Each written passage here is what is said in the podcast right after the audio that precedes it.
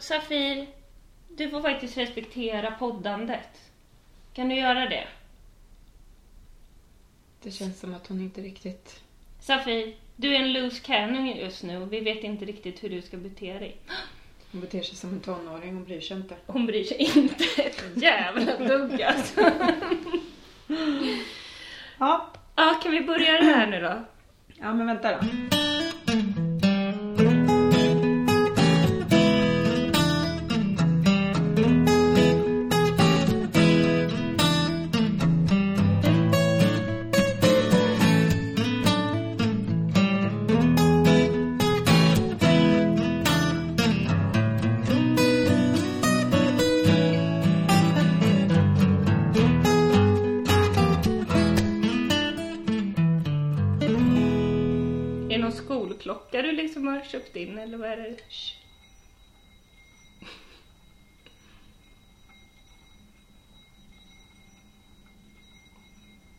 Hörde du någonting? Nej.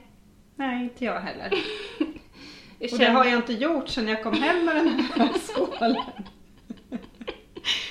Det har jag nämligen inte gjort sedan jag kom hem med den här skålen och du kan ju se, du ser säkert mig framför dig när jag sitter eh, där liksom på kvällarna och ska försöka rensa någon form av chakra som jag fått för mig. Alltså kan vi börja med att du bara berättar vad det här är för skål och varför Ja. du har den? Oklart varför jag har den, men det är en, eh, en skål. Det är en sån här, jag vet inte, någon form av holistisk skål. Någon sån här som man använder på yoga-retreats antagligen. Mm. Den ska väl göra någonting. Det ska, man håller skålen i öppen handflata. Så här. Den är gjord av ganska tjock eh, metall. Ja, Eh, och så är det som en liten träpinne till och så ska man dra med den här träpinnen runt. Är som sträckat liksom eh, skårat i skålen. Så ska man dra med den här träpinnen runt och så ska det då uppbringa något form av lugnande ljud. Mm. Eh, och, Som är liksom nästan, k- kan det vara jämfört med när man drar ett finger på ett kristallglas Ja, liksom? exakt. Ja. Det blir ju någon form av kemisk reaktion liksom. Ja. i metallen. Eh, och eh, jag och två kompisar var i Spanien eh, för, för någon månad sedan, eller när det var. Gud, tiden går så fort och långsamt samtidigt. Så att, vet. Eh, och jag gick förbi ett stånd där, där de hade såna här skålar och, och så kände jag att det var något som lockade. Men Det kallar du på den, de kallade på mig de här skålarna och jag kände att jag har liksom försökt ta till det mesta i mitt liv. Jag har lagt ansiktsmask och jag har hållit på med, med ögonmask och jag har lyssnat på lugnande musik. Jag har slått i mina tingshabels. Men det, Som en sån här, du vet lite sån apa som man skruvar upp i bak och den Ja, bara... exakt. Exakt. Där och det är ju ingenting som hjälper och då tänkte jag så här, här har jag den. Här har jag min skål. Nu ska Ida Ringman för en gångs skull få lugn och ro i sitt liv. eh, och eh, jag liksom gick och suktade efter den här skålen lite fram och tillbaka. Jag kände lite så här. ah, Du vet när man inte riktigt har bestämt sig fast man ändå gärna vill ha den. Som man går och tittar som ett barn i såna här leksaksaffärer och bara skulle gärna vilja ha den där dockan. Mm. Eh, men och sen så sista dagen när vi var där på stranden så bestämde jag mig i alla fall att nej men jag måste köpa den här skålen. Det är ungefär som när jag köpte nacho, jag måste ha den här i mitt liv. Lite Ja, så. ja, du blir manisk Ja, liksom när jag eh, spontant köpte en hamster. Eh, och eh, gick fram till det här ståndet och det står det ju som någon,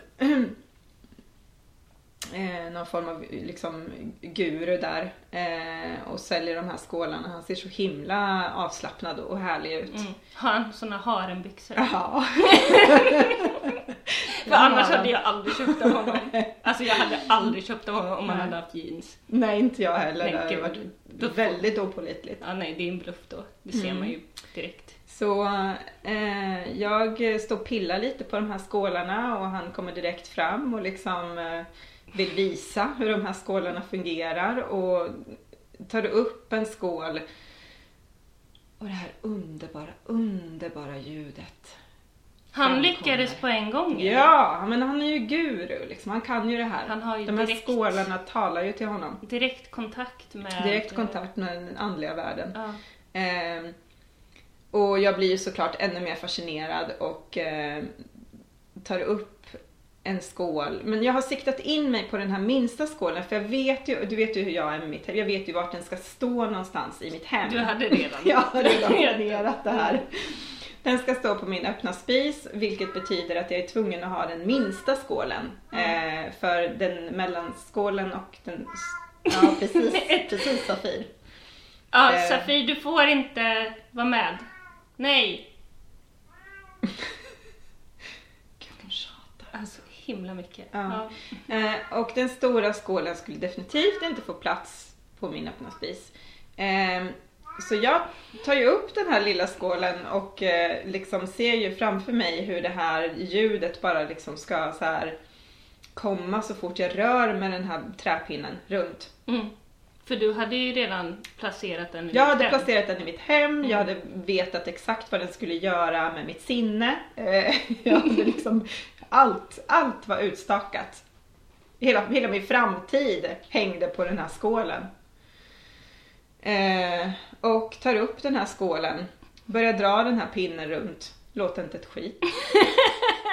Det låter som en pinne som Det låter som en pinne som liksom, ja. Som, Eh, som går, rör sig runt en skål. Och han tittar på mig och säger Vänta, vänta. Det här är inte din skål. Det här är inte din skål. Det här är din skål. Ta den i din hand, känn efter. Och jag lägger skålen i min hand och jag känner ingenting. Men den här gurun står framför mig och säger att det här är min skål. Mm. Han kan ju inte ha fel. Mm, nej. Inte, Eh, inte ett dugg möjligt. nej, inte ett dugg möjligt, När de där byxorna och allting. Så jag börjar att dra runt med den här träpinnen även på den här skålen. Inte ett ljud kommer fram. Inte ett ljud. Och vad gör man då? Jo, då gör man som man alltid gör i sitt liv. Då börjar man hitta fel på sig själv. Nej, Jo, det är jag! Det är jag som inte... Jag har ingen, jag har ingen aura, jag har ingen magisk kraft. Det, det är något fel på mig. Har någon annan skål? Och han börjar nervöst titta runt omkring sig och börjar riva i liksom de här boxarna från Kina som han, som han hade beställt de här skålarna ifrån. Här kanske det ligger någon gammal skål. Ta den här skålen säger han. Jag tror jag testade alla de här skålarna och ingen funkar. Så till slut så blev jag så arg så jag bara ryckte med mig en skål och gav honom pengarna och gick och sa den här, den här skålen ska med mig hem. Vare sig den vill eller inte. och nu går jag förbi den här skålen varje morgon och känner ett litet agg. Som ett eh, momentum för allt. För allt i mitt liv. Jag måste som inte testa. funkar. Jag måste testa om jag ja, kan. Jag ha, kommer ha, nej du får hålla platt så. Platt ska det vara. Ja. Nej. Nej, den klingar ju bara. Det ska komma som ett sån här... Ja, man får inte dra för fort heller vet du. Nej. Nej, det får man inte. Jag man tänker att man dra- måste liksom försöka eh, skapa någon form av vibration i den här. Ja, men det är ju det. Så provocerande. Men det var skönt att Men- det, det här är inte din skål heller. Nej, definitivt inte min skål. Men du kanske kan eh, öva upp någon form av skålteknik. Men jag Eh. orkar inte öva på mer saker. Jag vill bara att det ska funka någon gång. Ja, jag vet inte vad jag ska säga. Det är så här, ja, jag med. Men Men varför ska man hålla på och öva sig till saker och ting? Varför kan inte någonting bara komma till en någon gång i Nej livet? men skål, skåljudande, det ska man väl ändå inte öva. Han verkar ju ha någon filosofi att eh, bara man får rätt skål i sin hand så kommer Så den tjuta som en... ja. ja, men nu är den hemma hos mig i alla fall. Jag Den är i väl- alla fall fin. Du kanske kan använda den som mortel, tänker jag. Ja, det skulle jag kunna göra. Mm. Bränna lite, lägga lite eh, lite örter och grejer i och, och, och göra någon form av eh, besvärjelse. Det Mm. skulle jag kunna göra. Mm. Jag får hitta andra användningsområden helt Ja. enkelt. Ja, Mm. det är så man får göra när saker inte funkar i livet. Då Mm. får man ta det man har och göra något Mm. Eh, och det var väldigt visa ord, tycker jag. Ja, men skål på den då. Skål på den. Alltså, Nu kommer fan det inte klinga så, jo det klingade lite, Lite. men det, vi har fått, vi kanske kan lägga ut en bild på de här Ja. fina muggarna. Frida har köpt en eh, namnsdagspresent till mig. Exakt, det var tanken från början. Eh, jag, eh, jag gick på internet eh, shopping, jag fick en reklam på Instagram, men jag- det blev så fint så jag ville... Som du direkt föll för. Ja, direkt. Mm. Jag tvekade inte ens, jag visste att jag blev lurad, sket i det. Det är en bild på mig och Frida, fast ja, det är ju inte oss, men det är två sjöjungfrur och så står det våra namn. Den är jättesöt. Mm. Den är jätte, jättegullig och jag är oerhört glad för min nya mugg. Ja. Och man, den är så mång, mångfacetterad för det är liksom, den håller både kyla och värme så det går att ha kaffe Mm. och det går att ha vin i den. Underbart. Mm. Det är ju det man, det är det man vill dricka. Bättre än den här skålen måste jag säga. Som, eh, Ja, ver- bättre än skålen. Men den får man bara hitta nya Man användningsområden kanske kan dricka glögg i den i, i, i vinter. Ja, Det kan absolut. det funka till. Absolut. Mm. Vi- Jaha, har ni saknat oss? Det hoppas jag verkligen. Jag har saknat oss. Det har, gått, det har runnit eh, en fors under bron, så att säga. Mycket Jo, vatten. tack. Ehm, när, sist vi poddade, då var jag så jävla deppig att jag höll på att dö. Mm. Uh, Okej, det var lite dramatiskt, det höll jag inte på att göra, men jag var jättedeppig. Mm. Allting gick åt helvete och sen liksom så gick det mycket bättre. Jag kom in på min kandidatutbildning så nu är jag kriminolog och pluggar Yay. master, alltså jag pluggar master i kriminologi. Det är liksom min högsta dröm. Mm. Så nu måste jag hitta en ny dröm. Men det, ja, ja, det löser sig. Det har fucking löst sig. Ja, och det är så roligt och det är så himla, himla bra. Eh, Så det går bra. Som en typisk Capricorn som jag är så karriär eh, flyter. Ja, Eh, den kan man men, alltid lita på. ja, men, eh, men eh, kärlek inte lika mycket. Safir, sluta! Alltså hon vill bara förstöra för oss. Hon Hon är så förstöra. avundsjuk för att vi... Ska du vara med i podd? Igen? Hon försökte slå Ja. ner micken med sin svans och sen eh, låtsas hon som att hon Som att är hon- söt Ja. efteråt. Bara vara lite gullig. Men sätt dig här då Sofie så kan du vara med och bara sitta. Det blir bra. Sitt ner. Ehm, ja, alltså jag, eh, jag tänkte faktiskt outa mig själv lite. Jag funderade på det idag och jag tänker faktiskt göra det för jag, jag skäms inte. Men eh, ehm, jag eh, försökte mig på att liksom eh, träffa en person lite mer kontinuerligt. En Mm. man. Vi måste också säga att sist vi poddade, det var ju alltså i vintras, det är nästan ett år sedan. Ja, det är i alla fall 8-9 månader 8-9 sedan. månader sedan. Så det har ju hänt en del i, i bådas eh, liv. Ja. Eh, och eh, en av de här händelserna är ju det här nu då. Ja, precis. Eh, Så jag träffade en, eh, en man som jag liksom hängde en del med och vi hade ganska kul. Han var typ, alltså jag tyckte typ han var nice. Sen slutade inte jag dejta för det och det visste han mycket väl om. Men det som tenderar att hända med män och det, jag tror inte det har att göra heller bara med att man säger att här, ja, men jag, jag vill liksom vara flersam, jag är sån. Utan det här har hänt innan, även när jag Mm. försökte mig på monogami så är det alltid så här, män typ tycker att de kan behandla mig som skit. I don't know, jag, det är min aura. Ehm, och, och även i detta fall så hände det. eh, att eh, vi hade dejtat, eller vi hade setts får jag väl säga då, ett par månader. Ehm, och eh, jag försökte typ testa en ny approach, att jag skulle vara lite mer så här öppen med mig själv och typ så här vad jag tyckte och kände. Så jag säger, sa liksom till honom, ah, men jag, jag tycker, tycker om dig. Ehm, och sen efter ett tag så började han liksom höra av sig mindre och mindre och det blev liksom den här ghosting situationen som man ibland finner sig i. Ja, den är ju tråkig. Den, den, den är så himla tråkig när Ja. man börjar märka av den. Och det, grejen är att så här, man vet typ skillnaden på när en person inte hör av sig för att den inte hinner och när den ghostar en. Man bara vet det. Ja, det Antagligen för att det inte kommer någon förklaring Mm. så här, även när man försöker typ så här, Mm. hej, Mm. hur, vad händer typ? Ehm, och sen, han skrev liksom till mig att han ville ses ändå. Mm. Eh, och att han typ hade haft det jättemycket på jobbet och behövde stänga av. Och jag svarade väl någonting med att ja men jag förstår det men jag tycker att du kan säga det till mig då. Eh, och så förklarade jag hur jag kände i den här eh, avsaknaden av kommunikation. Eh, och han svarade på det genom att inte svara mig så här alls. Eh, Så himla härligt beteende när man Ja. försöker att eh, lätta på vad man känner och ja, tycker. verkligen. Mm.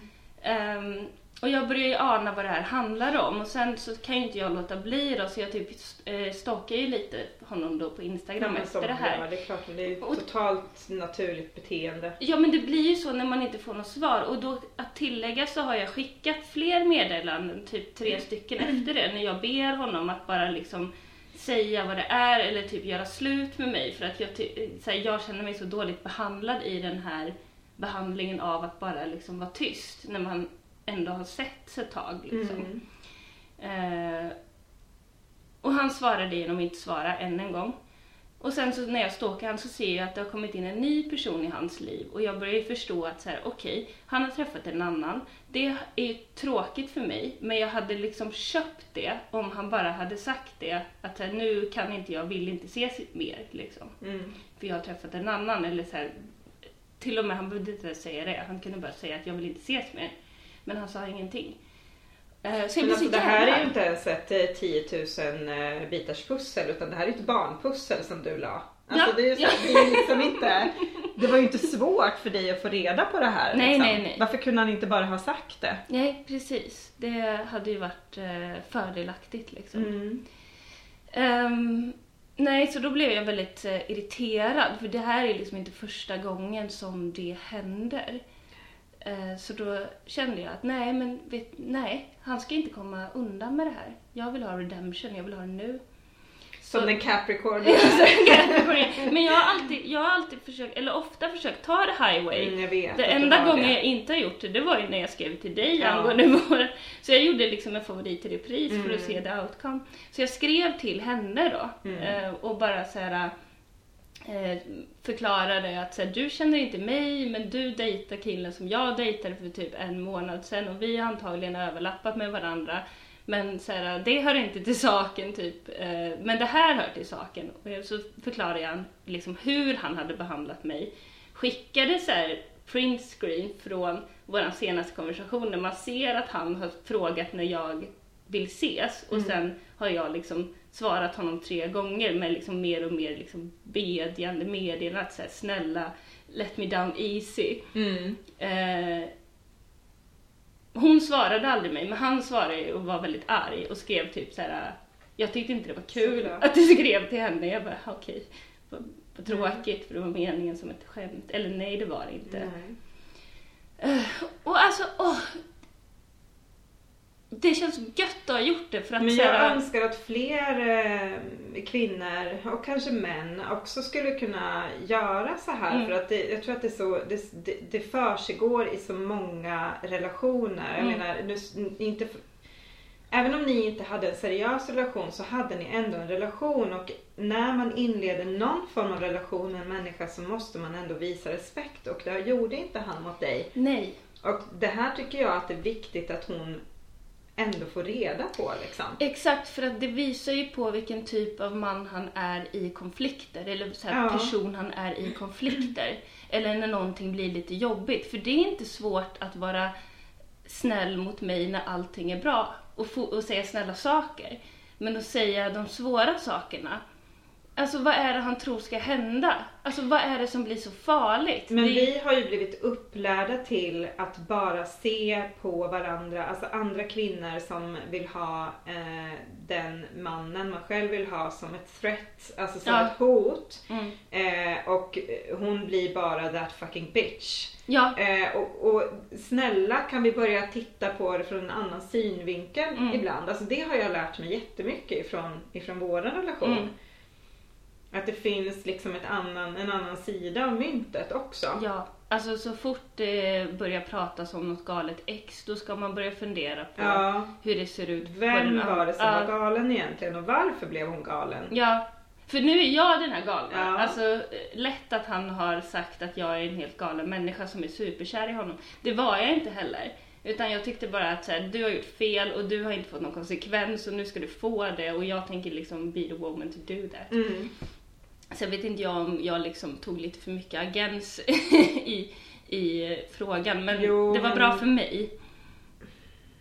För mycket agens, jag vet inte. Man är ju man är också bara människa. Man, Ja. man, man, man styrs ju av sina känslor Ja. eh, också. Liksom. Du, man är sårad. Eh, det du kunde ha gjort egentligen var ju att gå på henne hårt liksom, eller gå på honom hårt. Men Mm. du berättade ju bara hur, fakta, hur situationen såg ut. Eh, det här är det som har hänt, så nu vet du. Ja, för mitt syfte var ju inte inte... bli, det ska man inte bli korsfäst för. Nej, för mitt syfte var ju inte liksom i slutändan att eh, liksom på något vis eh, breaka dem. För det är så här, det, och det märkte jag i efterhand, så här, det var ingenting jag brydde mig om. Jag har inte brytt mig ett skit om det där nu. Nej. Men jag behövde liksom få, för han, det, det man gör när man ghostar någon, det är inte bara att vara en douche liksom, utan det är att man tar bort eh, ett, ett, liksom ett, ett värde hos en människa. Mm. Och ett värde i en relation som kanske, även om du som inte vill vara kvar längre värderar den lägre, så måste man tänka att den andra personen kanske värderar det högre. Mm. Och då kan man inte bara pissa på det. Nej. Utan man, alltså, speciellt när man då som han gjorde sitter i mitt kök och pratar om respekt mellan människor och att Mm. så, här, så länge alla respekterar han så kommer han respektera andra och så gör han inte det. Man bara, Mm. bitch, Mm. du ska veta hut. Ja, ja alltså. Det här är också ett väldigt klassiskt beteende att eh, säga, säga en massa fina saker eh, Mm. och sen inte agera efter det. Det har ju jag också bli- blivit ganska varse om i, i relationer. Mm. Eh, att man, man säger väldigt mycket, väldigt mycket fina saker och sen så, så lever man inte upp till det helt enkelt. Och det där ska man vara så fruktansvärt aktsam med. Mm. Eh, för, för ord, o, ord är liksom, ord har så mycket betydelse. Och ord kan, eh, kan, eh, kan vara liksom avgörande för hur en människa, hur en människa mår Mm. i den relationen. Mm. Det spelar ingen roll om man, om man säger att man inte menar det man sa eller att man inte... Eh, säger man det så säger man det, man kan aldrig få det osagt. Mm. Nu kommer jag in på en annan sak men eh, min, min point är att eh, man måste kunna leva upp till eh, vad man säger. Ja, om man inte gör det så måste man kunna se sin brist i det man gjorde. Absolut. Ehm, och det är så jävla lätt att sitta och säga, men eh, man kan i alla fall försöka. Och jag tyckte inte att han gjorde det.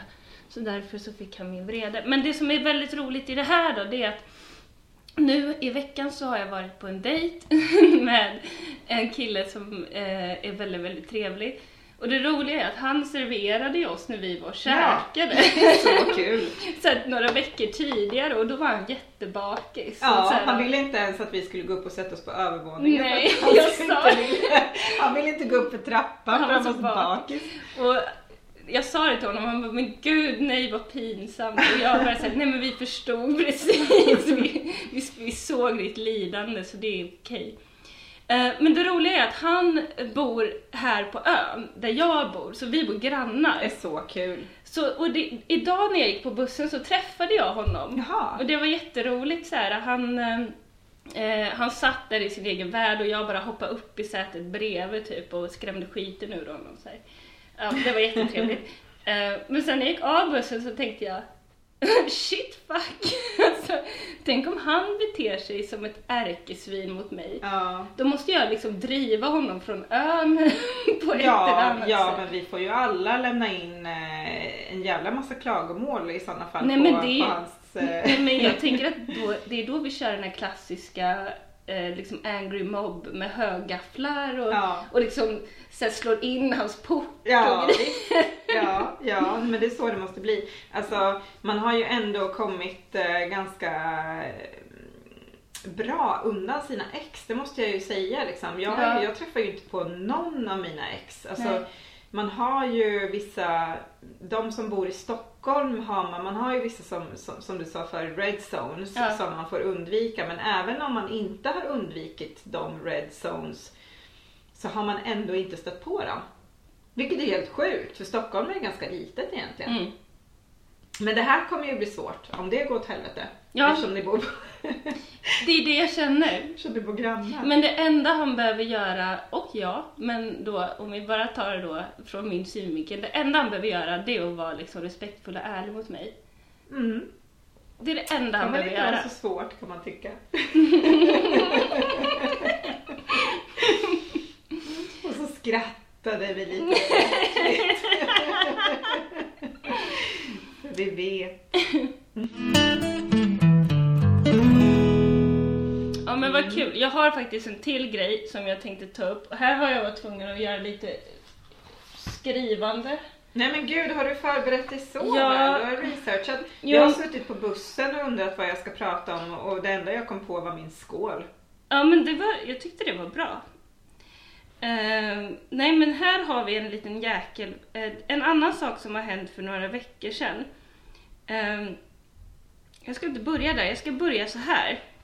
Du tipsade ju om en serie för mig, eh, till mig som heter Sense8. Oh my god, Som vi- bästa jag upplevt i Ja, mitt liv. och vi har alltså missat den här i sex år ungefär. har, Sex år? Mm. Är det sant? Har den funnits så länge? ja, den har funnits jättelänge. Nare, Oh hon bara tittade på mig och tyckte att jag var dum i huvudet som hade missat den här. Så alltså alla kanske har sett den här redan, men grejen är att så här, lite kort så kan jag säga att det handlar om åtta personer som har, alltså de är en ny version av människan. Mm. Alltså inte Homo sapiens sapiens utan vad är det de kallar Homo senserum eller något Eh, sånt där. sensei tror Ja. jag. Homos, ja. Och de kan alltså connecta i sitt eget kluster, alltså dessa åtta personer Mm. som föds exakt samtidigt Mm. genom någon form av telepatisk förmåga. Mm. Vilket gör att de typ kan resa in i varandras medvetande och Mm. nästan fysiskt vara liksom Mm. med den andra personen. Eh, väldigt spännande.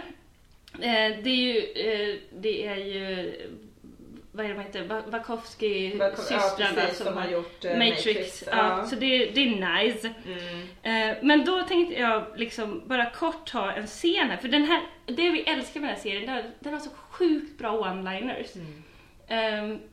Och det roliga med one-liners, det är att det kan sätta igång i alla fall min hjärna Ja. ganska mycket på att liksom helt plötsligt sväva ut i olika samhällsfrågor och typ hur människor fungerar. Gud, ja. alltså jag har ju till och med suttit och skrivit upp i anteckningar Ja, ja, vissa ja. av de här one-liners Ja. som jag har. eh, Jag kan också dra en sen. Ja. eh, Som jag bara blev så här, det här måste jag skriva upp. Men vi, ja, och jag kommer, jag kommer lämna Sense8 sen, så att jag, Mm. men vi kan gå tillbaka till den. Mm. För okej, den här scenen då, då sitter Riley, hon är från Island, hon ska flyga till, eller från England till Island där hon kommer ifrån för att typ konfrontera sitt förflutna. Så hon sitter på flygplanet och då kommer Cassius som är eh, busschaufför i Kenya. Mm. Eh, så han har ju aldrig varit på ett flygplan, han tycker det är döhäftigt. Eh, för han kan ju då liksom sitta där bredvid Riley och så tittar han ut och så ser han molnen liksom ovanifrån och Mm. tycker det är så jävla coolt. Mm. Och så säger han till Riley ehm, You are so lucky. Och så vänder hon sig mot honom och säger hon privilege, not lucky. Och min hjärna bara Ja. För jag började tänka och tänka och tänka på det här med privilegier. Mm. Eh, och det här med livets lotteri, Mm. som man så ofta hör. Eh, framför allt liksom i sammanhang när man pratar om människor som inte haft lika då tur i livets lotteri. Mm. Och så tänkte jag så här att det där är så himla missvisande och jag tror till och med lite skadligt för att då, det är nästan så att man avsäger sig sitt, sitt privilegium som att man bara hade tur, som att man vann på Lotto. Ja. Och det är väl för viss, alltså till viss del ligger det ju en sanning i det, för alltså man föds där man föds. och privilegium, det har funnits väldigt länge och framförallt då sen liksom den här världen eh, established capitalism, då har vi det ju verkligen manifesterat, Mm. liksom hierarkier och makt och, och strukturer mellan kön eller mellan etniciteter eller Mm. liksom allt möjligt. Så, ja, men, och det styrande är liksom eh, den heteronormativa vita personen, framförallt mannen då, men Mm. även kvinnan. Ehm, och så tänkte jag att så här, om... Alltså det har ju funnits och vi föds in det, men anledningen till att det fortfarande finns, det är ju för att vi fortsätter att manifestera de här rollerna. Alltså, ett privilegium kan ju inte fortsätta leva om inte vi fortsätter att uppträda som att vi har det och gör det på ett sätt som är nedtryckande för de som inte äger det privilegiet. Mm.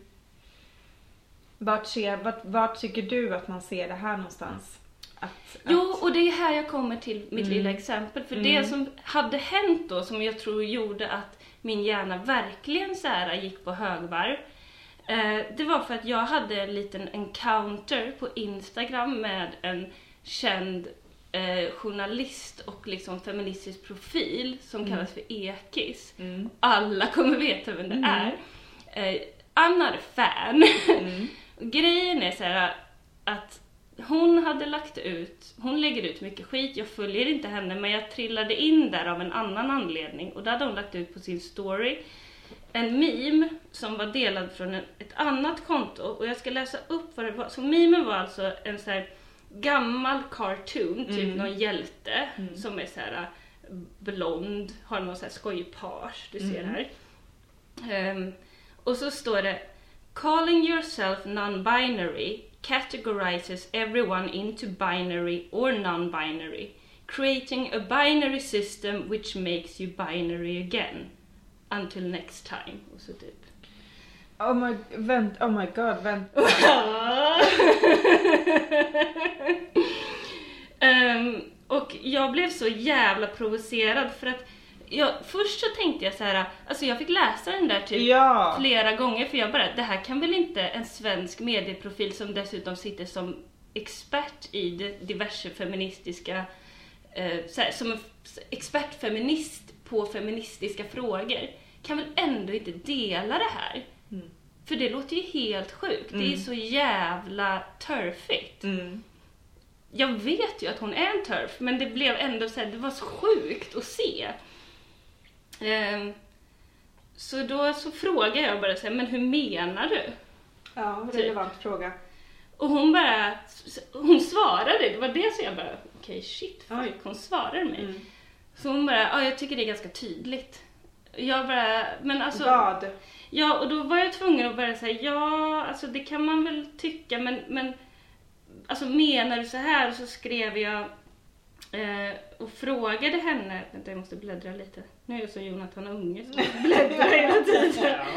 Ja. Ehm, ja, och då skrev jag att eh, eh, okej, men då tolkar jag det som att den antyder att, så här, att vara icke-binär skulle skapa ett binärt system som gör att man är... De icke-binära binära, eller Ja. vad menar hon? Det blir någon jävla Ja. konstig, jättekonstig cirkel. Sån jävla vurpa. Och sen så hade jag misstolkat det, för det är två rutor och den sista rutan, Mm. då är det typ att han åker iväg på någon form av vattenskoter eller någonting. Men jag hade sett det som att han typ så här slog något monster. Jag är lite våldsam antar jag. that, that was my misunderstanding. Mm. Och, det är så här, och det fick jag sota för sen. Safir sluta, alltså min katt hon är så jobbig. Ehm, hon, och då skrev hon så här, det är inte jag som har gjort mimet, men jag tycker poängen var logiskt och icke-binär antyder att man kan vara binär. Vänta, säg det där igen. Hon menar att det är log, den här mimen är logisk för att om man kan vara icke-binär så Mm. kan man också vara binär. Och jag bara, ja, det, eller så här, det kan man väl. Eh, men att, att vara icke-binär det är ju inte liksom synonymt med att inte erkänna att Nej. människor kan vara binära. Det, det är ju snarare tvärtom, Mm. att man liksom Ja, skitsamma. Väldigt, väldigt konstigt. Eh, och sen hade jag även kollat på tagsen till den här posten och bland annat så var det typ hashtag back JK Rowling Mm. och sen var det hashtag eh, trans rights are men's rights. Trans rights Alltså, are tra- men's ja, rights. transrättigheter är ma- mansrättigheter. Ja, Va? det är sant. Men var- jag förstår inte. Kan du, jag... eh, Och då så frågasatte jag henne att så här, men det känns så konstigt att du som sitter liksom och är uttalad feminist och alltid har varit så liksom kritisk till både kapital, kapitalism och patriarkatet kan dela något sånt här. Mm. Det, det går inte ihop för mig. Det är, min, det, det är där min logik tryter. Och då tyckte hon att jag missförstod det här mimet. Och då skrev hon att det handlar om en kritik mot begreppet icke-binär i sig. Tanken på att det går att stå utanför könet.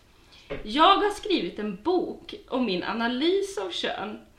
Eh, så vill du sätta dig in i mina tankar, läs hellre den än att gå in i en futtig diskussion om taggar till en satir- satirisk meme. Men varför vill en binär person som, in, som inte har någon aning om hur det är att identifiera sig som en icke-binär förklara att man inte kan vara icke? Alltså jag, jag förstår inte Nej hur... men hon är ju bara dum, eller så här, hon är taskig liksom. Eh, för att, och här en gång, här sitter hon på ett enormt privilegium att hon är liksom vit kvinna med liksom ganska hög status i ett land som Sverige där du får skriva en helt faktafelaktig bok om kön och publicera den för ett stort liksom, förlag. Mm. Hon kan göra det. Vad är det här för jävla förlag som eh, publicerar den här boken? Ja, jag vet inte. Ehm, ja, nej men så hon, eh, hon, hon tyckte att det här var en futtig diskussion. Jag tycker också det är ganska roligt att hon försöker sälja på med hennes bok. att jag liksom så här, ska läsa den. Ehm, Det är väldigt kul. ja. Ehm, och sen så hakar hon ju på det. Hon bara, och vad är det för våld du menar i ruta två? Och så skrev hon, jag ser en gubbe som åker iväg på någon form av vattenskoter. och jag bara, då tittar jag på den igen och bara såhär, ah fuck, det var det ju. Mm. Så, och så svarade jag, jaha, men det låter rimligt. Han säger något helt befängt, kommer på att det var helt puckat och pallar inte ta konsekvenserna för uttalandet. Makes sense. Tack för förtydligande. Men då tyckte hon inte att jag var rolig, men jag tyckte att jag var Nej. jätteskojig. Ja men hon tar ju det här så väldigt, väldigt, väldigt seriöst antagligen. Liksom. Och det är därför Eh, och jag jag förstår- tror att hon redan är upprustad till tänderna Ja. över all den här kritiken Ja. som hon kommer få. Hon har ju redan, hon har ju redan rustat sig för den här så att Ja. hon är ju liksom alla såna här eh, personer som kommer liksom skriva in till henne i hennes inbox så har hon Mm. redan, eh, hon copy-pastar ju liksom Mm. allting för att hon är redan, hon, hon är så säker på sin sak. Mm. Att man inte kan vara icke-binär utan att vara... Du kan inte vara trans heller Nej. enligt henne. Nej. Alltså, samtidigt så säger hon inte det rätt ut, men jag har inte läst hennes bok och jag tänker inte göra det heller. Men varför är hon så Eh. feg att hon inte kan säga det rakt ut? Varför, varför måste folk För göra en så- mem, en mem om det här? Varför kan de inte säga För rakt att det är ut så de tycker? använder sitt jävla privilegie.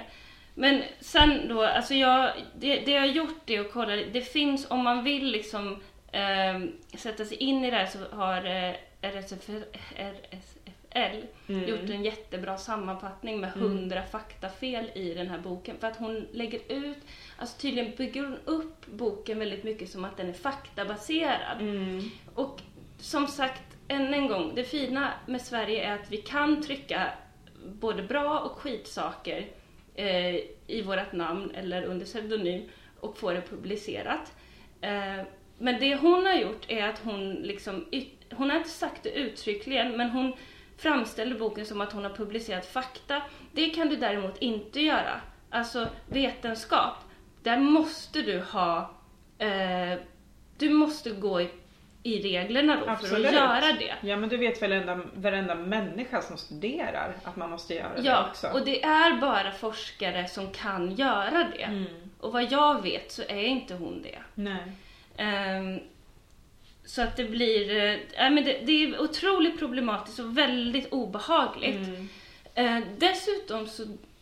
Jag tycker ju- bara att det är obehagligt att hon kallar sig feminist. Ja, och jag, grejen är att hon har ju då skrivit den här boken som har blivit väldigt kritiserad av framför allt transpersoner men också andra liksom eh, som, som eh, vet mycket mer om, om liksom, ja, men, sociala strukturer och, och biologi och allting. Att så här, hon har blivit extremt kritiserad för det här.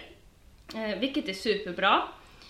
Eh, men fortfarande då så blir hon ändå inkallad som någon form av expert på feminism.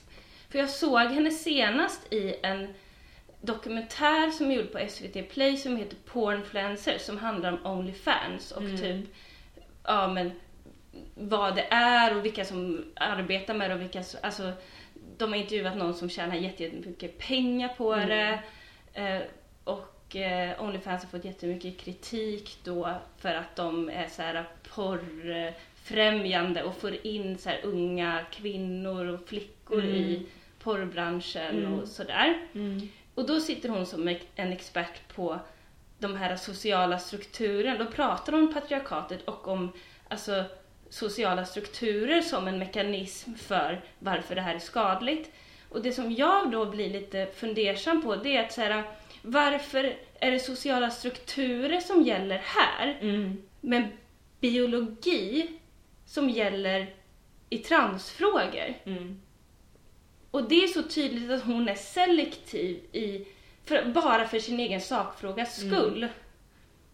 Bara för att hon ska få fram det som hon vill så lägger hon aldrig någon vetenskap bakom utan bara plockar det som hon tycker verkar bäst för att lyfta. Och plus att hon gör det helt fel för att hon har uppenbarligen minst hundra faktafel i den här boken. Mm. Men är inte det här ganska typiskt för personer som bara liksom har skapat sig sin egen uppfattning? Och speciellt personer som du säger är om nu går tillbaka till grundkärnan, vita, vita privilegierade personer som, Mm. har, som, som, som tycker någonting. Mm. Helt plötsligt när någon tycker någonting Mm. som, som och och man är en, en stor medieprofil, Mm. då, då har man liksom rätt att vistas i det, i det allmänna rummet Mm. med sin sakfråga. Eh, och, och uttrycka den no, liksom, oavsett vem, vem man trampar på tårna. Liksom. Ja, men det är det som är så sjukt också för att Ekis är en stor profil, precis som Cissi Wallin var och kanske är, Mm. eh, för många liksom vita feminister. Och jag vet att så här, det är en ganska stor podd som så här, ja men Brita och Parisa heter de. De, de pratar om efter det här med pornfluencers. Och då så, så här, lyfter de fram typ Ekmans argument i den här äh, dokumentären. Plus att de sen lägger till, ja vi håller inte med henne om det hon säger om transpersoner, men det här är bra. Och då blir det så här, äh, men alltså på riktigt. ehm, nu...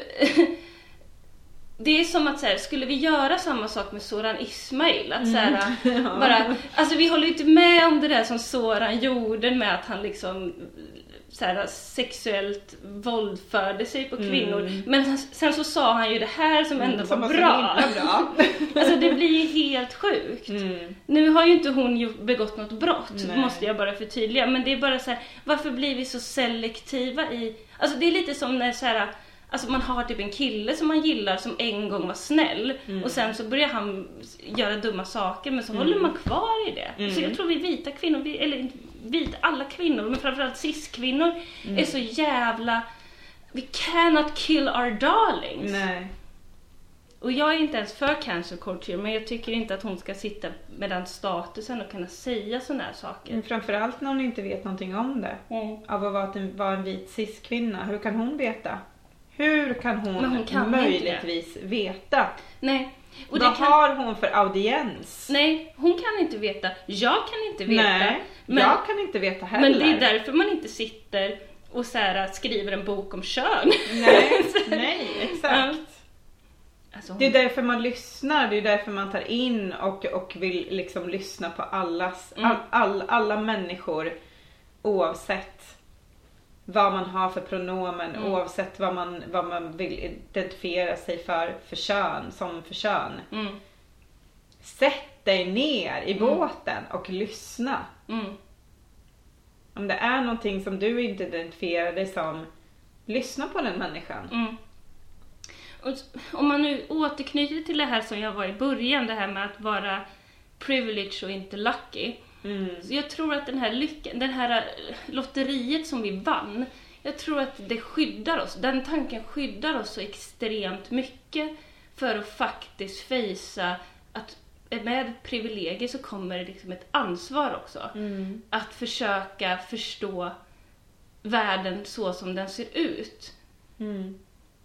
Och varför den ser ut så och vad vi bidrar till. Mm. För att om vi bara skyller på att nej men det här är ren tur. Då Ja, det, sina... det, som, det som jag har hört, liksom många som, som alltså när man är i diskussioner med personer, de är så här, varför ska jag känna mig eh, eh, elak och dum bara för att jag har eh, pengar och är vit? Varför ska jag känna så för? Nej men det handlar inte om att du ska gå runt och ha dåligt samvete för att du är en vit eh, cis-person med, med liksom eh, en bostad och ett jobb och ett, ett liksom tryggt nätverk runt om dig. Det handlar inte om det. Men precis som du säger, att, Mm. man, att man måste förs- förstå Mm, vad skillnaden är mm, och vad, liksom, vad den skillnaden gör för människor. mm. Det handlar inte om att lägga dåligt samvete på folk. Ja, för nej, för att de precis. har vissa saker eller inte har vissa saker. Liksom. Mm. Och sen, alltså om jag får lägga in min egen spaning i det här som bara grundar sig på min egen livserfarenhet och typ källa alla mina kvinnliga kompisar och kollegor. Mm. Så så här, jag hoppas ju att det här med könsroller är en social konstruktion eh, och inte är kopplat till biologi. Biologi, ja. Och det, varför jag hoppas det, det är för att om det inte är så, då är män fucked! Alltså de är så jävla screwed, för den dagen det här, alltså hela världen blir totalt jämställd, för den dagen, den kommer komma, den kanske inte kommer under min, min livstid, men den kommer komma. Eh, vad, de, alltså de är ju så dumma, alltså de kommer inte klara sig. Jag lyssnade på en P3-dokumentär häromdagen om Ecce Homo. Har du lyssnat på den? Nej. En kvinna som gjorde en utställning. Mm. Ja men det är den, ja, Ja. ja, ja. Undrar om jag Den har är- lyssnat på den. Den är väldigt, väldigt, väldigt, väldigt intressant. Mm. Det var en, en kvinna som alltså, är uppfödd i ett kristet hem och har gått i, Mm. i eh, liksom, kristen skola och eh, ehm, Alltså det var ju under den tiden när eh, när aids och, och hiv blommade upp väldigt, väldigt alltså på 80-talet, tidigt 80-tal. Mm. Var det tidigt 80-tal eller var det mitten av 80-tal? Jag vet inte. Nej men det var nog det, det kanske Ja. till och med var 70-tal. Eh, och hon hade väldigt mycket, väldigt många gayvänner eh, som hon då liksom eh, eh, förlorade Mm. eh, i, den här, i den här sjukdomen och hon gjorde en utställning där hon eh, liksom gjorde om alla de här kristna eh, målningarna och tavling, tavlorna, alltså typ den här eh, sista måltiden, vad heter den? Sista Ja. måltiden och när, när eh, Jesus och Johannes döpare står i, i något, liksom när han, när han döper Jesus Mm. och liksom många av de här väldigt, väldigt ehm, Alltså de här tavlorna som är väldigt, väldigt kända liksom, Mm. från den tiden och gjorde om dem. Alltså tog foton på sina, eh, sina eh, gayvänner. Mm. Eh, och hon blev ju ehm, Alltså hon blev ju typ mordhotad liksom för det här. Jag kommer ihåg det, min mamma älskade det här. Ja det var så, Hon tyckte alltså, det var så bra. Och så jäkla före sin tid också Ja. lite grann att, att göra ett sånt konstverk, att Mm. kunna liksom gå in och, och liksom låta tanken vara så jävla fri Mm. och låta konsten vara så fri Mm. liksom i det här. Eh, jätte, jätte, jätteintressant, eh, jätteintressant dokumentär. Mm. Också ett tips. Mm. Lys, lyssna på den. Mm. Eh, för den är, den är, den är jättefin. Ehm, och också vad, ehm, vad den här kristna traditionella tron har gjort. Eh, hur, den, hur den kan skada liksom Mm. på ett sätt också. Alltså på riktigt skada eh, människor. Men alltså då är ju frågan Skada egentligen om vi, om vi går tillbaka till den här, uh, gud vad jag tjatar om det här hela tiden, men utgången då som jag hade i min lilla spaning. Eh, så förut då så kanske man använde då religion i det här landet, får jag väl tillägga, Mm. som eh, liksom en metod att kunna få, få sitt privilegie ännu starkare. Mm. Men nu använder vi tur. Ja. För nu har vi, religionen är Mm. inte lika stark här i Mm. Sverige längre. Men nu kan vi bara hävda att så här, jo men nu, vi har det så här. Mm. Vi har det tur i alla fall. Så nu blir det oxfilé och bea. Ja. Alltså det som var så fint i den här dokumentären det var ju att en av de här personerna då som, han som faktiskt polisanmälde eh, den här kvinnan för, för hennes konst. Mm. Eh, han blev sen en hon. Han, han gjorde könskorrigering och blev en hon. Så hon är Eh, trans, transkvinna då? Ja. Eh, och ehm, efter jätte, jätte, jättemånga år så, så blev hon eh, uppringd. Jag tror att hon skulle göra något reportage om det här. Mm. Eh, och ehm, blev, eh, så de blev connectade igen. Eh, och eh, den här hon då som, som tidigare var en han eh, som hade anmält henne eh, blev en av de här personerna som, som skulle vara med i den här eh, och eh, fotas eh, Mm. till det här nya liksom, konstprojektet. Mm. Vilket är en så här helt sjuk och så jävla fin historia. För jag Mm. tror att det var många, kanske många personer som under den tiden blev upprörda för att det kanske fanns någonting som låg bakom i dem.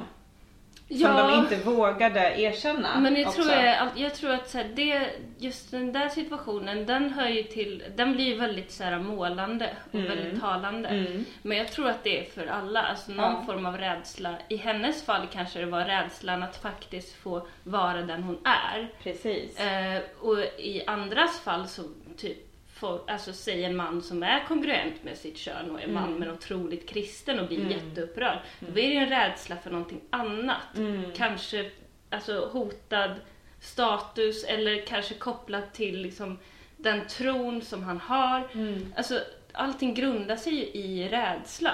Gud ja. Och det är, alltså det är också någonting som vi inte pratar om. Och även vi då, för vi sitter ju på en ganska så nice status, även du och jag. Även fast Gud, vi ja. bara är någon form av medelklass, eh, alltså något sånt ja. eh, skräp. Vi är ju en, i mängden bara Ja, liksom. så, så är vi ändå vita i, i ett land som Sverige. Och visst, vi lever med ett förtryck av eh, att kvinnor fortfarande inte har samma status som vita män. Men eh, vi glömmer ju, alltså det är ju som att vi också sätter oss i en position där vi har en högre position bland alla män och det har vi ju inte. Alltså en svart man som, från förorten har ju inte en suck mot vårat ord Nej. om någonting skulle hända eller inte hända. Alltså Mm. vi skulle ju kunna få någon fälld bara för att den personen är svart. Mm. Alltså, det är så här, vi, vi pratar inte om det, vi pratar inte om den grunden och det tror jag också är en rädsla hos många femini- feminister som har en hög status. Att, så här, att man måste lämna över sin offerkofta och även liksom inkludera andra Mm. För då kommer du behöva göra avkall på din egen status Mm. för, till förmån för andra. Mm. Och det kanske inte blir liksom nice för dig i slutändan. Sen kanske Nej, man inte har är tänkt så bara- långt. Man är så, nej men jag tror att det är jättemånga som inte tänker så långt. Man är bara så van vid att det är så. Mm, Eh, och så, så tänker man inte steget längre. mm. Hur skulle det kunna vara annars? Upp lite vin ja, ja, då ska det vara lite vin. Vill du ha lite mer? Ja men jag suger i mig lite för mycket men jag kan hälla på lite Häll på lite. här. Du, Ja. får ju, du får ju dricka mycket nu så att du hinner Så att jag hinner bli nykter tills jag ska ha mina klasser imorgon. Förlåt eh, Evelyn. Och jag ska inte vara bakis Nej, eh, ingen när kommer jag vara vickar bakis. på, eh, på mina klasser Det har imorgon. aldrig hänt. Det har aldrig hänt någonsin. eh, nej. Åh. Ja, gud. Eh, men på tal om eh, på tal om ett av de här one-liners eh, som jag eh, Ska vi avsluta med en Ja. eh, one-liner från, eh, från, från Sense 8. som Eh, vi är sex år sena med att titta Alltså på? nu kommer inte jag ihåg rollkaraktärernas namn. Eh, men det är alltså en, en, en, en man som, som jobbar som skådespelare i Mexiko. Det är Lito. Delito, tack. Han är tillsammans med, eh, med en kille och eh, han är alltså jätterädd för att, eh, för att komma ut. Både för liksom sin familj men också för, för sitt jobb. För att han är så stor, stor, stor, stor, jättestor skådespelare. Eh, och hans pojkvän då Eh, som är typ den eh, finaste människan jag någonsin har. Även om han är en fiktiv person så är han typ den vackraste människan jag någonsin har sett i hela mitt liv. Eh, förutom du. eh, och han är jätteintresserad av konst. Och väldigt, väldigt, väldigt filosofisk eh, person. Och de sitter på ett museum. Eh, och så sitter de och, och pratar om en, om en tavla som de, som, som de ser. Eh, och eh, då säger hans pojkvän, nu kommer jag inte ihåg vad pojkvännen heter. Det Eh, inte men, eh, men han säger så här. Eh, Love is like art. A force that comes into our lives without rules, expectations or limitations. Love, like art, must always be free. Just ja, för han är ju, han, han är väl konstvetare? Han är konstvetare, precis. Ja, han föreläser om det här. Ja, Eh, och han har sån jävla valid point Ja. i det här. Och det är någonting som jag har upplevt liksom ganska nyligen. Eh, att som sagt, det har varit en Det- fors det under har bron. varit en fors under Alltså bron. Gävle hade ingenting på det här. Nej. Gävle var en jävla öken jämfört. Ja, det här det har, det har stigit upp till eh, ganska många breddgrader kan jag säga, den här forsen. Det, det, det har runnit över både för länge sedan. Ehm, och det är liksom någonting som jag, som, som jag har tagit till mig och håller väldigt, väldigt, väldigt hårt i. Oavsett vad det gäller i livet, oavsett vad det är, om det är kärlek, vilka liksom relationer eller vad man än vad man än liksom är i livet så måste, så, så måste det vara, finnas en frihet. Alltså människans egen frihet i det. Kärlek, precis som jättemånga andra saker som man upplever i livet, måste alltid vara fri. fri. Mm. Det är en jättestor kraft som kommer in i livet. Mm. Man har ingen aning om när den ska komma in eller hur eller varför eller, eller vart liksom. Mm. Men om man inte behandlar den som fri, precis som konsten, Mm. så kommer den att dö. Och det är sant. Och det är liksom, här än en gång så, så här, frihet det är någonting som också kommer med ett ansvar. Och när det kommer till konst så är, finns kanske ett ansvar i att så här, du ska kunna stå för det som du producerar. Mm. Eh, Du ska kunna känna att det bidrar till någonting. Eh, Eller inte, men åtminstone någonting till dig själv kanske. Mm.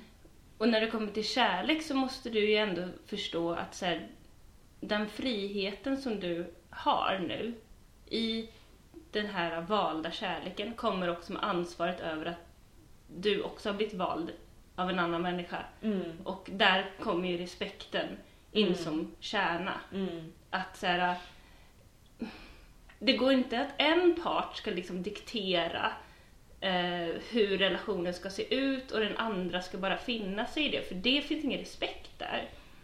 Nej, och det, när, när, en sån, när en sån liksom kraft kommer in i ens liv så måste man behandla den med frihet. Mm. Jag tror för det är en jättestor kraft. Mm. Alltså kärlek är ju någonting så otroligt kraftfullt Mm. liksom i, i alla människors liv. Alla har ju upplevt kärlek Mm. liksom. På ett eller annat sätt liksom. Mm. Och, och det är ju, all, alla vet ju vad man pratar om. Det är ju en extrem kraft. Och den kommer eh, oftast ganska, ganska fort liksom. Mm. Och jag tror att det, det, det kan vara ganska... Jag tycker att det var en fin liknelse för, för eh, eh, kon, konsten. Konsten är ju allt, oftast alltid fri.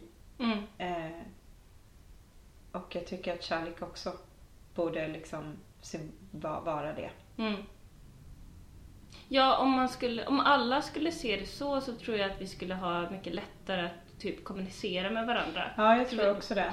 man måste, alltså, det medför ju att man kan spegla liksom, man kan spegla sig själv i någon annan Mm. och eh, den kan också spegla liksom hur jag skulle känna, eller liksom hur du skulle känna Mm. om, om den personen gör så här eller så här. Alltså, Mm.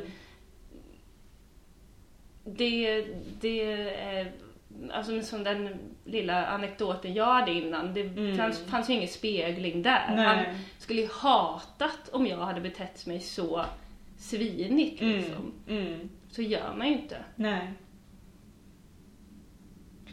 Nej, jag tror att många, jag tror att man skulle må bra utav att, att försöka tänka så lite Ja. mer. Eh, i, eh, I alla former av, utav relationer. Det är verkligen någonting som jag har eh, försökt jobba med. Och det behöver inte bara vara i en, i en sån kärleksrelation. Det är liksom i alla former utav relationer. Alltså relationer till sina vänner, relationer till sina, sin familj, relationer till... Ja. Det kommer inte alltid vara lätt men den måste alltid få vara fri. På ett eller annat sätt. Mm. Det är Ja. verkligen så. Ja, men det, det här var väl ett bra, det här var första 2021. Jag hoppas att vi kan försöka göra det här lite oftare. Ja men det skulle vara mysigt. Alltså jag... Kanske måntaligt. Jag tror att jag har varit lite rädd för att podda. Mm. Eh, dels för att eh, jag typ inte har mått eh, helt eh, topp, tipp, tippens toppen. Mm. det har inte varit fridens liljor och sådär. Fridens liljor har icke varit närvarande. eh, under det här, detta år. Mm. Eh, men jag tror också att det behöver inte vara så himla... Det kan vara ganska kravlöst också. Mm. Man behöver inte eh, vara... Man behöver inte må så jävla fucking bra bara för att göra en podd. Alltså jag vet att Daniel Sanchez har sagt att man ska bara podda när man känner för att podda. Men ibland så kan man faktiskt kanske också podda även fast man inte känner någonting. Daniel! Daniel Sanchez, han är liksom våran, våran mentor. Gud. Våran informella, informella mentor. Vi får Ja. se. Det hade varit kul om vi kunde få med honom i våran podd någon gång. Ja, Han kanske kan vara tycker jag. Ja, Mm. han ska få gästspela. Ja, puss på Daniel, han är bäst. Och, eh, men men vi, vi ska försöka göra det här med lite mindre mellanrum. Ja. Eh, Och kanske lite mer folk, för nu har vi också Ja. pratat om att ha vissa andra Gullvivorna med vänner ska Ja. komma snart. Så det, det får ni se fram emot. Och det här Ja. var jätteroligt. Det blev ett lite mer, inte, inte riktigt lika lättsamt, men ändå informativt avsnitt tycker Ja, jag. det var det. Verkligen. Ja. Verkligen. Jag, jag, jag gillade det. Ja. Ja. Och som sagt, vill du veta mer om eh, Ekes bok utan att läsa Ekes bok så kan ni gå in på RFSLs hemsida. Där har de summerat 100 faktafel. Den är gratis, det är bara att klicka på den. Så jävla bra. Klicka på bara. Klicka på bara. Ja. Ni behöver inte mer. Ni behöver inte läsa boken. Och nu ska vi gå hem till Näre snart. Ja, äta middag. Och äh, äta middag och hjälpa henne att flytta något tungt. Jag vet inte vad det var för Ja, tungt. ja, det... det- var något tungt. Ja, Vi det ser skulle flytta i alla fall. Eh, och så ska vi fira Linnea för hon har fått jobb. Och vi har massa presenter till henne. presenter Ja, som hon kan använda på jobbet och efter jobbet. Och efter jobbet. Men eh, alltså tack för, eh, Ja. tack för idag. Tack för idag Ja. Frida. Gud vad mysigt det var igen. Ja. Ja. Här kommer slingan komma in. Ja, här kommer den. kommer den! Den lilla garagebandet. Jajamän. Ja. Okej, Ja. hej hej. Hej,